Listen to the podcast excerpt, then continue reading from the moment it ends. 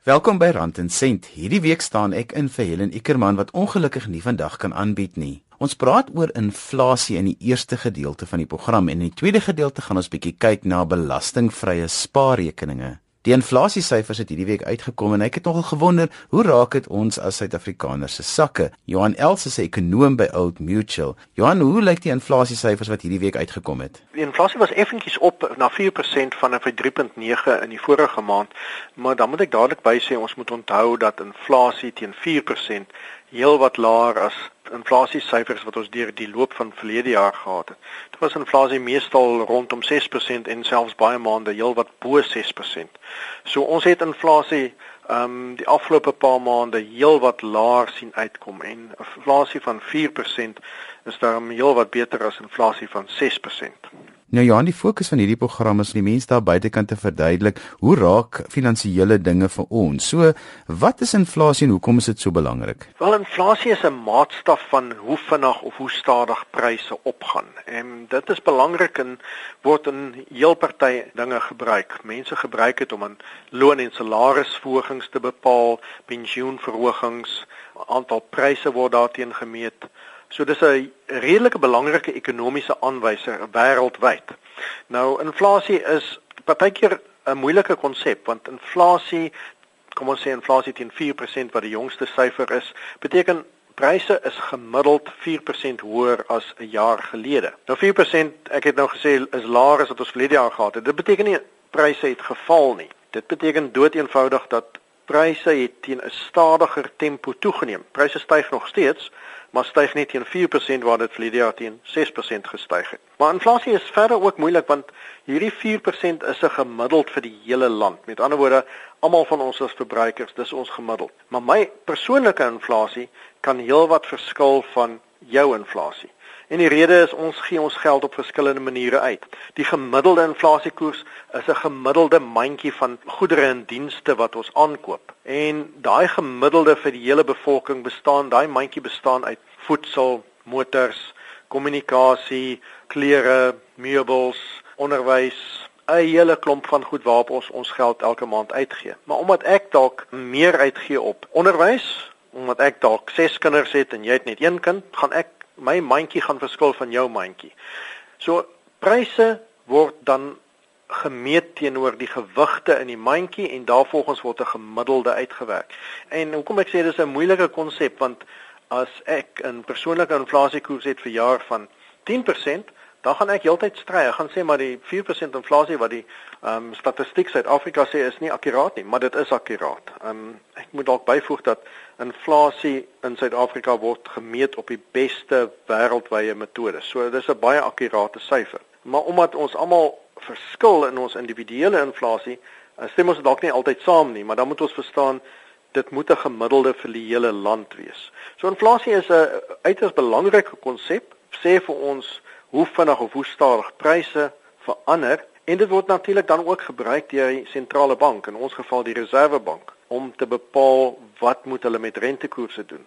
Want die doel van die Reservebank is om so naas moontlik aan prysstabiliteit te kom. Ons wil nie inflasie hê wat teen 15% per jaar styg nie, net soveel ons ook nie negatiewe inflasie hê nie. So die Reservebank gebruik sy beleidsaksies deur rentekoerse hoofsaaklik om inflasie binne 'n sekere riglyn te hou. Johan, verduidelik vir ons 'n klein bietjie verder wat jy net oor verwys het wat jou jou eie persoonlike inflasie of jou huishouding se inflasie teenoor die land se inflasie want dit is nog 'n interessante konsep vir my. Kom ons sê ek is een wat hou van my single malt whisky. Dan gaan ek 'n redelike gewig in my mandjie hê van single malt whisky, iets wat dalk baie duur is en deur 'n rand beïnvloed word omdat dit ingevoer word.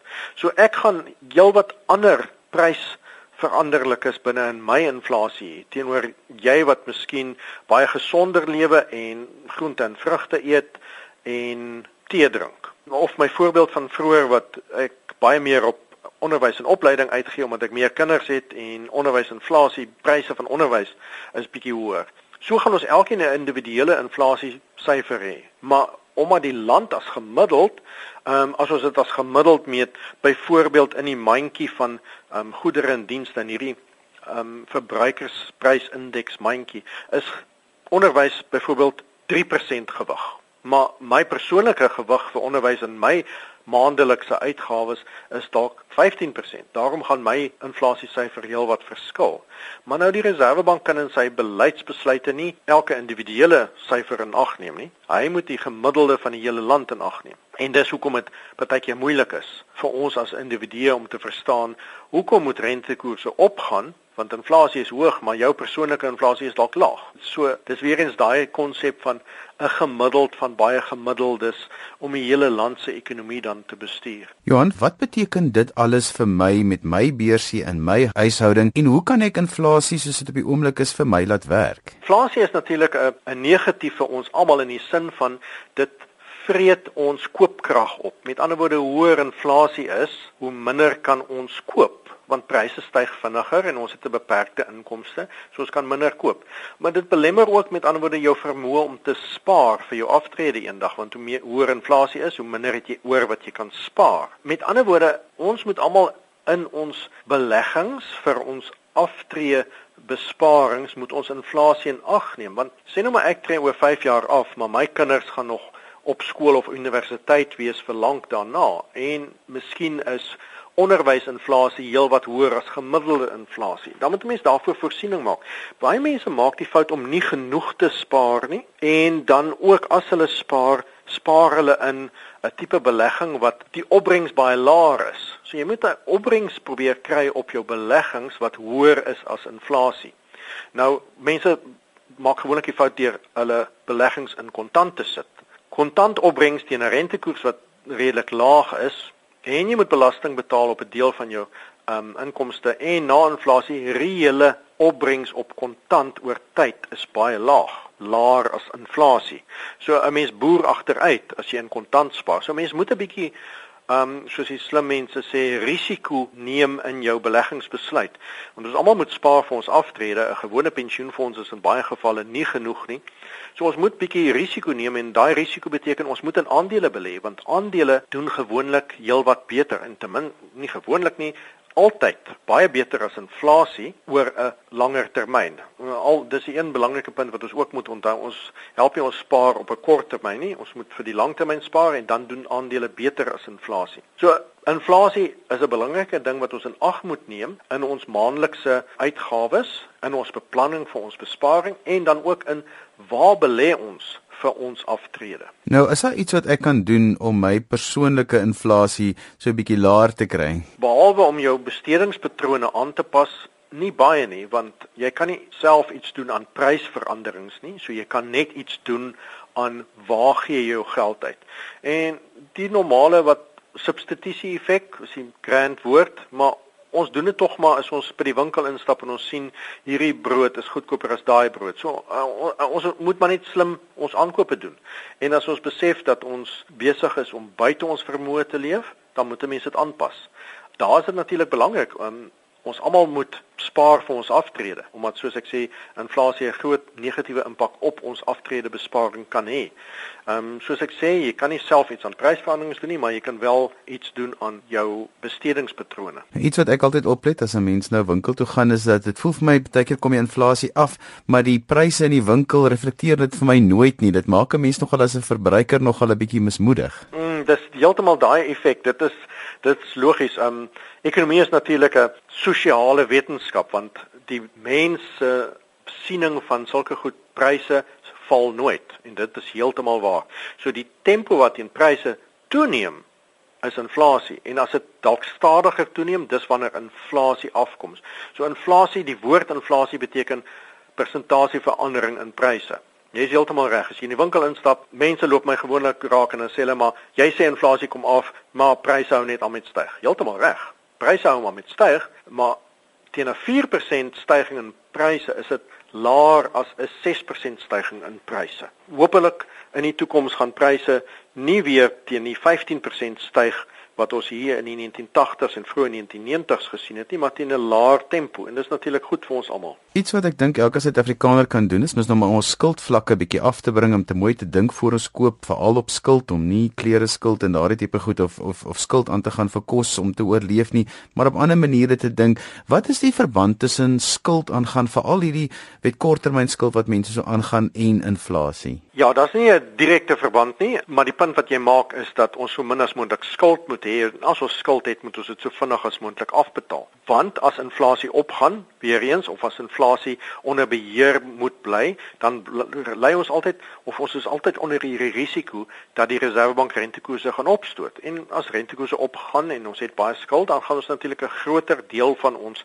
inkomste aan rente betaal. So daai rente vrede dan ons vermoë om op ander goed geld uit te gee of ons skuld die kapitaal terug te betaal baie op. So om heeltyd bewus te wees van jou skuldvlakke is gesond want jy moet dit so vinnig as moontlik afbetaal anders betaal jy te veel rente en veral as rentekoerse dan opgaan. Dit is wanneer baie mense in 'n groot probleem kom en dan skielik kan hulle glad nie hulle skuld terugbetaal nie. Sit met 'n slegte skuldrekord En ja, dan is dit wanneer die probleme ontstaan. Johan, as 'n mens luister na die inflasie syfers en ek hoor nou, okay, hulle maak dit nou bekend hierdie week en dit is die effek.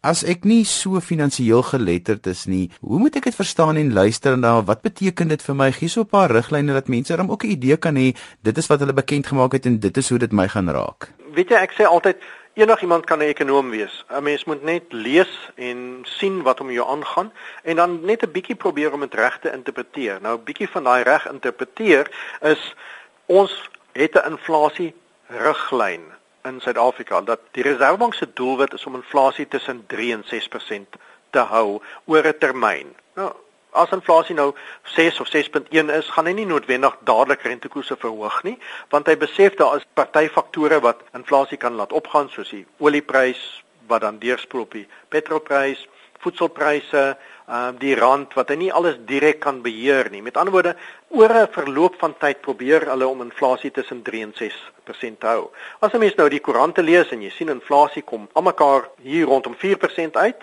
inflasie bly rondom 4%, dan beteken dit die risiko dat rentekoerse opgaan is redelik min. As inflasie nou weer begin styg en jy sien hy kom nader aan 6%, hy gaan oor 6% en hy bly styg en hy hou bokant 6%. Dis nou bokant die riglyn wat die Reserwebank wil hê inflasie moet wees. Dan moet 'n mens verwag dat rentekoerse sal moet opgaan. Teen die einde van hierdie jaar sal ons heel waarskynlik in daai tipe gebied wees want ek verwag dat inflasie wel later verjaar sal begin opgaan. Reservebank gaan bekommerd wees dat met 'n rand wat swak is, as die olieprys begin styg, voedselpryse begin styg teen 'n vinniger tempo, dan gaan inflasie verder op en dan teen die einde van die jaar kan ons naby aan 'n situasie wees wat rentekoerse dan weer moet opgaan.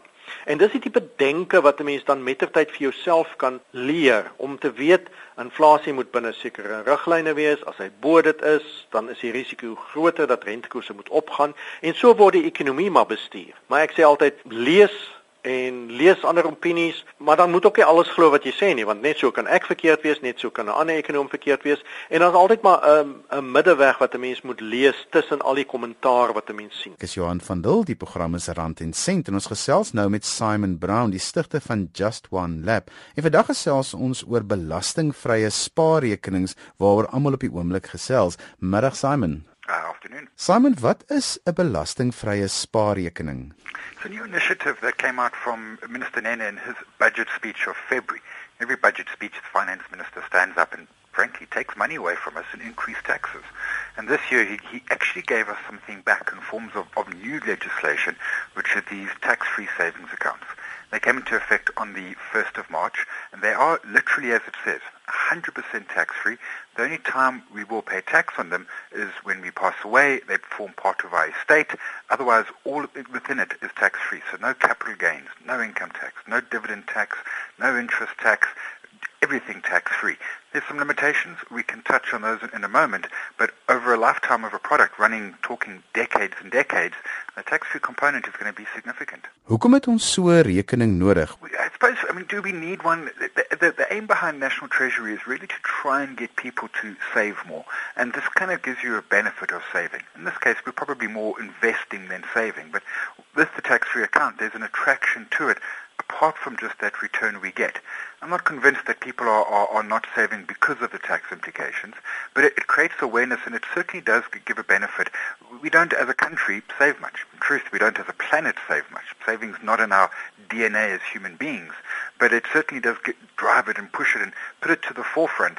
And for those folks who are interested, there are significant benefits to it, and it is going to really benefit us as we get into, into older age and ultimately retirement. Jy praat nou van voordele wat dit vir ons het, veral vir ons hier op die man op straat. Wat is hierdie voordele? Benefits are just that that you don't pay the tax implications within investing and and there's primarily a, a, a I suppose three of them really.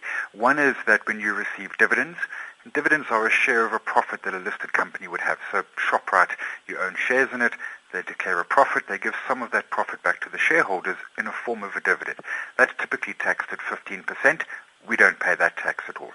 When you then sell a share, so you've bought and you sell it after a couple of years, for whatever reason, again, there's a capital gains tax that's applicable, and that can be as high as 14%, and again, you don't pay that tax either.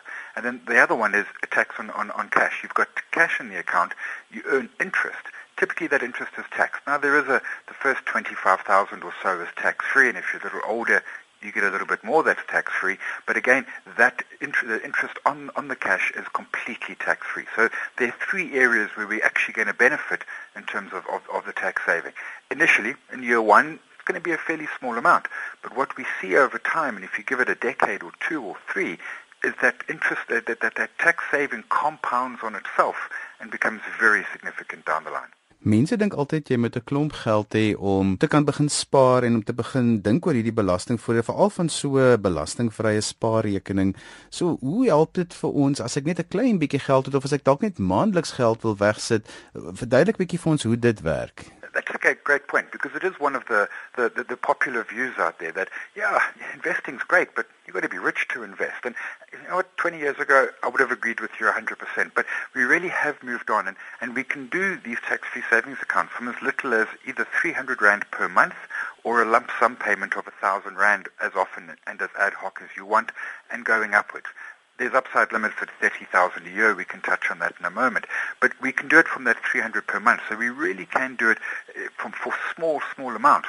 And then what we've further seen, problem with the 300 Rand investment in many cases is that frankly the costs then erode too much. So we've really seen the providers come to the party in that they've reduced their fees. Some of the regulatory fees that exist in a normal trading environment have also been reduced.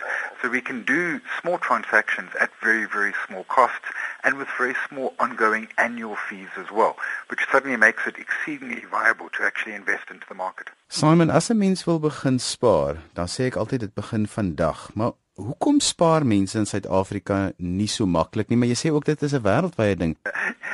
and we're not, and, and, and as you say, it's, it, it's a worldwide problem. I, I, there, are, there are a ton of reasons behind it, and, and I think the person who ultimately really solves this is probably going to be, earn themselves a fortune.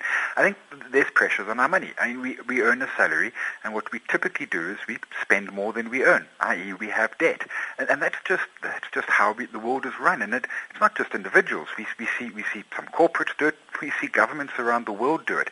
And it's just that mindset we've got into part of it, I think, is, you know what, it's that instant gratification. We want the fancy car or the lounge suite or the big screen TV, whatever it might be, and, we want it today. And we, we kind of like don't worry about the future. We think the future will look after itself. And in truth, it's not going to. We have to really provide ourselves for that future. And if, we, if we're not doing it, we're leaving ourselves in the hands of either a government environment, a state pension, or perhaps family members and the like. That's not really fair for them.